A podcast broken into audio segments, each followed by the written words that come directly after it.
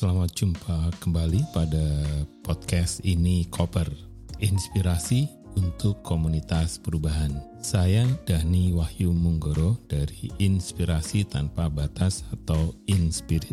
Kali ini saya ingin berbagi tentang pengetahuan. Karena pada saat kita merancang pelatihan, kadang kita diminta untuk menyusun objektif, topik bahasan, dan apa yang ingin dihasilkan dari sesi kita Nah, dari pengalaman membantu beberapa organisasi, sering ditanya pada saya, apakah saya menggunakan Bloom taksonomi. Bloom adalah seorang psikolog ya yang menciptakan Bloom taksonomi pada tahun 1946. Hanya pemakaian yang sangat kuat di kepelatihan itu baru mulai tahun 2001an jadi jauh banget setelah temukan pada tahun 46 apa itu isi dari Bloom Taxonomy?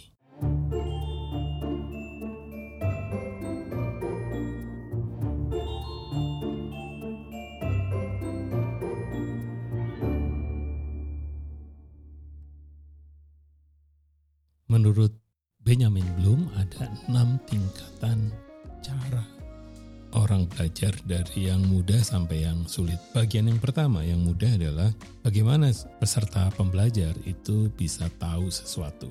Ambil contoh kita tentang jeruk. Nah, bagaimana para pembelajar itu tahu tentang jeruk? Maka kita bisa memberitahu tentang warnanya, rasanya, bentuknya.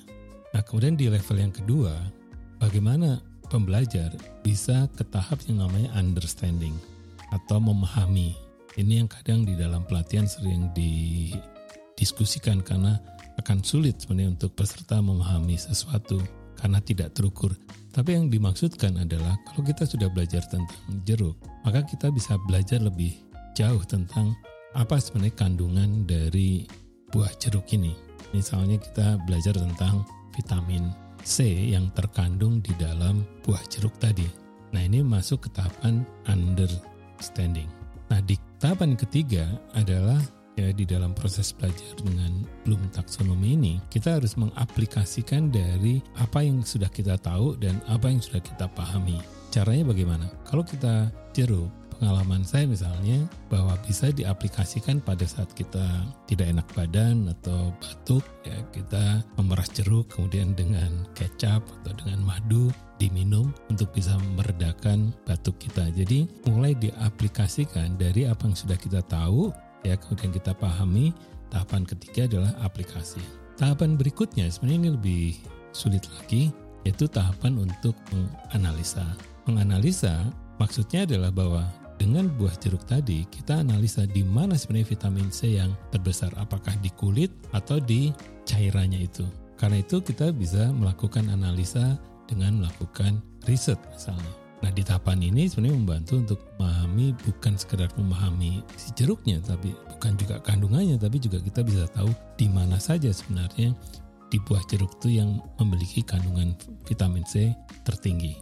Nah di tahapan berikutnya ini tahapan yang disebut evaluasi. Maksudnya evaluasi adalah bagaimana kita membandingkan buah jeruk dengan mangga misalnya, ya yang memiliki juga vitamin C.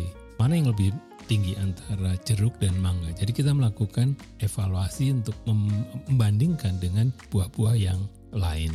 Nah, di tahapan berikutnya, tahapan yang terakhir itu adalah tahapan kreasi, tahapan untuk menciptakan sesuatu. Nah, pada tahap menciptakan sesuatu adalah kalau kita sudah tahu tadi ya, mulai dari tahu, memahami, mengaplikasikan, menganalisa, kemudian juga sampai ke tahapan dari analisa kita masuk ke tahapan evaluasi. Kalau sudah tahapan evaluasi, tahapan berikutnya adalah tahapan kreasi. Nah, di tahapan kreasi inilah yang dibutuhkan pikiran-pikiran inovasi. Bagaimana memanfaatkan apa yang sudah kita tahu tentang buah jeruk tadi apakah misalnya kita punya ide tentang membuat sirup jeruk atau membuat jus jeruk yang sudah dikemas hingga punya merek tertentu. Nah, ini adalah bagian dari cara belajar menggunakan Bloom taksonomi. Nah, sebagai seorang pelatih paling tidak kita tahu cara atau logika dari Bloom taksonomi. Ada banyak kritik karena dari tingkat satu ke tingkat dua sampai ke tahapan kreasi, itu jenjangnya seolah-olah linear, tidak ada loncatan-loncatan.